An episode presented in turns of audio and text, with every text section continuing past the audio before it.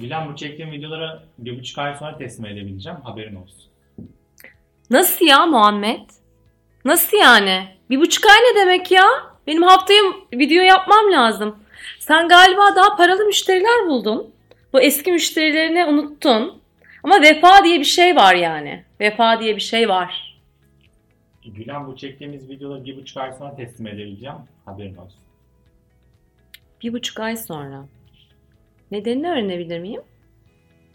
E, İş planını ona göre yaptım. Birkaç tane önemli video vardı. Onları önceye aldım. Hmm. Ee, sen demek ki önceliklendirmeyi doğru yapmıyorsun Muhammed. Yani müşterilerini, eski müşteri, yeni müşteri ne yapman gerektiğini bilmiyorsun diye düşünüyorum. Ee, zaten daha önce de önceliklendirme ile ilgili, bu teslimatlarla ilgili problemlerin olmuştu. Sen sen ve bu bir süreklilik zannediyorum arz eden bir durum. Süreklilik değil ama şöyle bir şey var. Hani onların paylaşması gerekiyor. Sen savunmaya geçtin bu arada Evet. otomatikman fark ettin mi? Merhaba ben Gülen. Bu suçlamaları yaptıktan sonra sinirim öyle bozuldu ki videoya devam edemedim.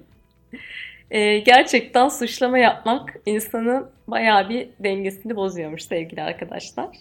Size iki tane farklı suçlama örneği sergilemek istedim. Bir tanesi daha böyle bariz bariz suçlama. Böyle ses tonumu yükselterek, bedenimle falan da böyle dayılanarak bir suçlama yaptım. İkinci suçlama biraz daha böyle pasif agresif bir davranışı simgelemeye çalıştım.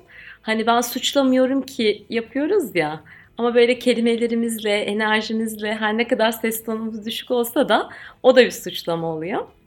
İkisi de suçlama, ikisini de biz zaman zaman yapıyoruz. Suçlama gibi üç tane daha zehirli iletişim türü var. Suçlamanın eşlikçisi, yancısı savunma, alay kinaye ve duvar örme.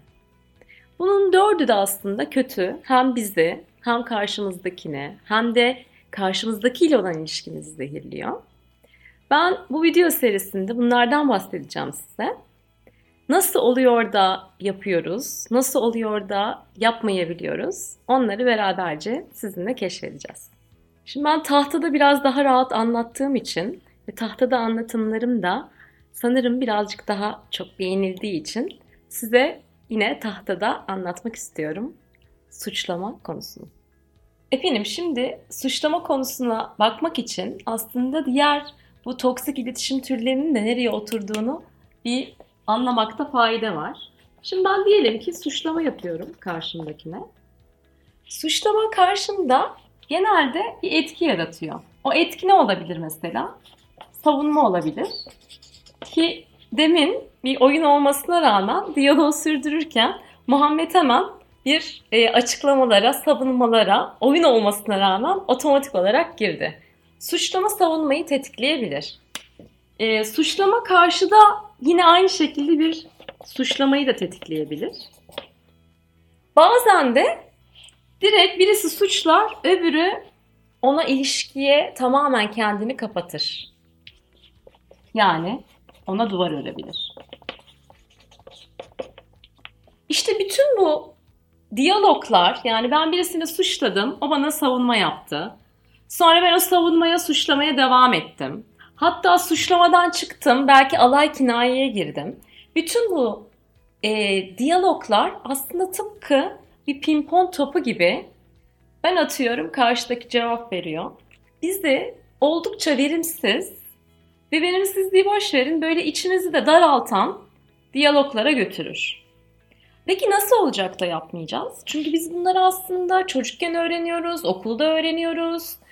Böyle iletişmezsek kendimizi bayağı koruyamayacağımızı zannediyoruz. Kendimizi ifade edemeyeceğimizi zannediyoruz. E bana bunu yaptı, ben şimdi susup oturacak mıyım? Gibi düşüncelere gidiyoruz. Yok, hayır. Yani biz bunları yapmadığımızda son derece daha düzgün iletişim metotları mevcut. Şimdi suçlamada da, savunmada da, duvar örmede de ve alay kinayede de aslında ilk olarak bunları yapmamak için gerekli olan e, olay şu. Ne oluyor da ben suçlamaya giriyorum? Onun için bir farkındalık geliştirmem gerekiyor. Demin ki örnekten hareket edelim. Şimdi bir buçuk ay sonra videoların hazırlanması beni bayağı kaygılandırdı. E, endişelendirdi. Biraz da zannediyorum kızdırdı. Ben bunları bedenimde oyun olmasına rağmen aslında hissettim. Şuralarımda falan böyle bir sıkışıklık hissettim midemin üst tarafında. Eğer ben duygumu bilirsem, hani ne oluyor da ben acaba suçlamaya giriyorum? O zaman suçlama yapmama şansım oluyor. Duygu da bedenin içinde oluyor. Ben bu konuda daha önce de aslında videolar çekmiştim. Duyguların dili videosuna bakabilirsiniz. Eğer duygunuzu tanıyorsanız, adlandırıyorsanız, bedeninizde nerede duygunuzu hissettiğinizi biliyorsanız o zaman otomatik olarak suçlamaya girmeme şansınız var. Öbür türlü muhtemelen suçlamaya gireceksiniz. Çünkü o o kadar anlık bir şekilde geliyor ki karşıdan bir şey geldi hop ben suçlamaya gireyim şeklinde otomatik bir davranış oluyor. O yüzden duyguyu tanımak, onun farkında olmak birinci ana nokta. Duygumu ben adlandırdığımda sakinleşiyorum. Sakinleştikten sonra da farklı yani suçlama yapmama yöntemlerine gidebilirim. Peki ne olabilir bunlar? Onları kesersin değil mi? Kesersin değil mi? Devam ediyorum. Kesmezsen ya. Efendim bir. Varsayma sor diyeceğim.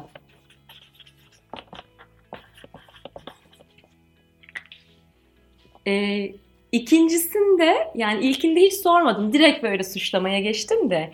İkincisinde sorar gibi yaptım farkındaysanız. Ne oldu falan filan gibi. O da sorma değil aslında. Benim orada bir varsayımım var. Neden diye şey olarak soruyorum. Yani bu kesin hani hata yapıyor şeklinde soruyorum. Buradaki varsayma sor. Ne oluyor da o insan benim o hoşuma gitmeyen davranışı sergiliyor. Onun için tıpkı bir çocuk merakındaymış gibi hiç böyle varsayımda yargıda bulunmadan sormak iletişimin birinci yöntemi. Peki ikincisi ne olabilir? İkincisi e, ben kızmış olabilirim gerçekten, endişeleniyor olabilirim. Yani durum ne olursa olsun, karşıdaki kişinin durumu ne olursa olsun benim duygularım yine değişmiyor olabilir.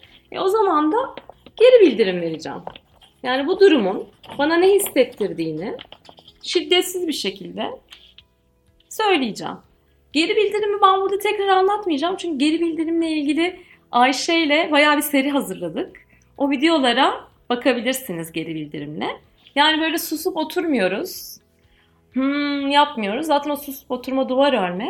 Biz efendi gibi geri bildirimde bulunuyoruz karşı tarafa. Üçüncü ve son olarak bu bir yöntem değil, bu bir bakış açısı ve biri ve ikiyi de kapsıyor. Karşımdaki ne? İnsan olarak bakmak, nesne olarak bakmamak. Bu ne demek?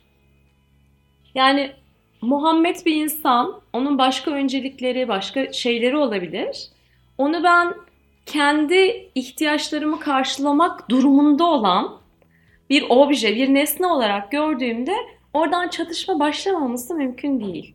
Yani kendime bildirirken de, bu soruları sorarken de karşımdakinin insan olduğunu hatırlamak bana bütün bu yöntemleri uygulamada çok büyük kolaylık sağlıyor. E, videomu şöyle kapatacağım. Herkes bana ısrarla diyor ki videonun sonunda YouTube kanalıma abone olun, like edin.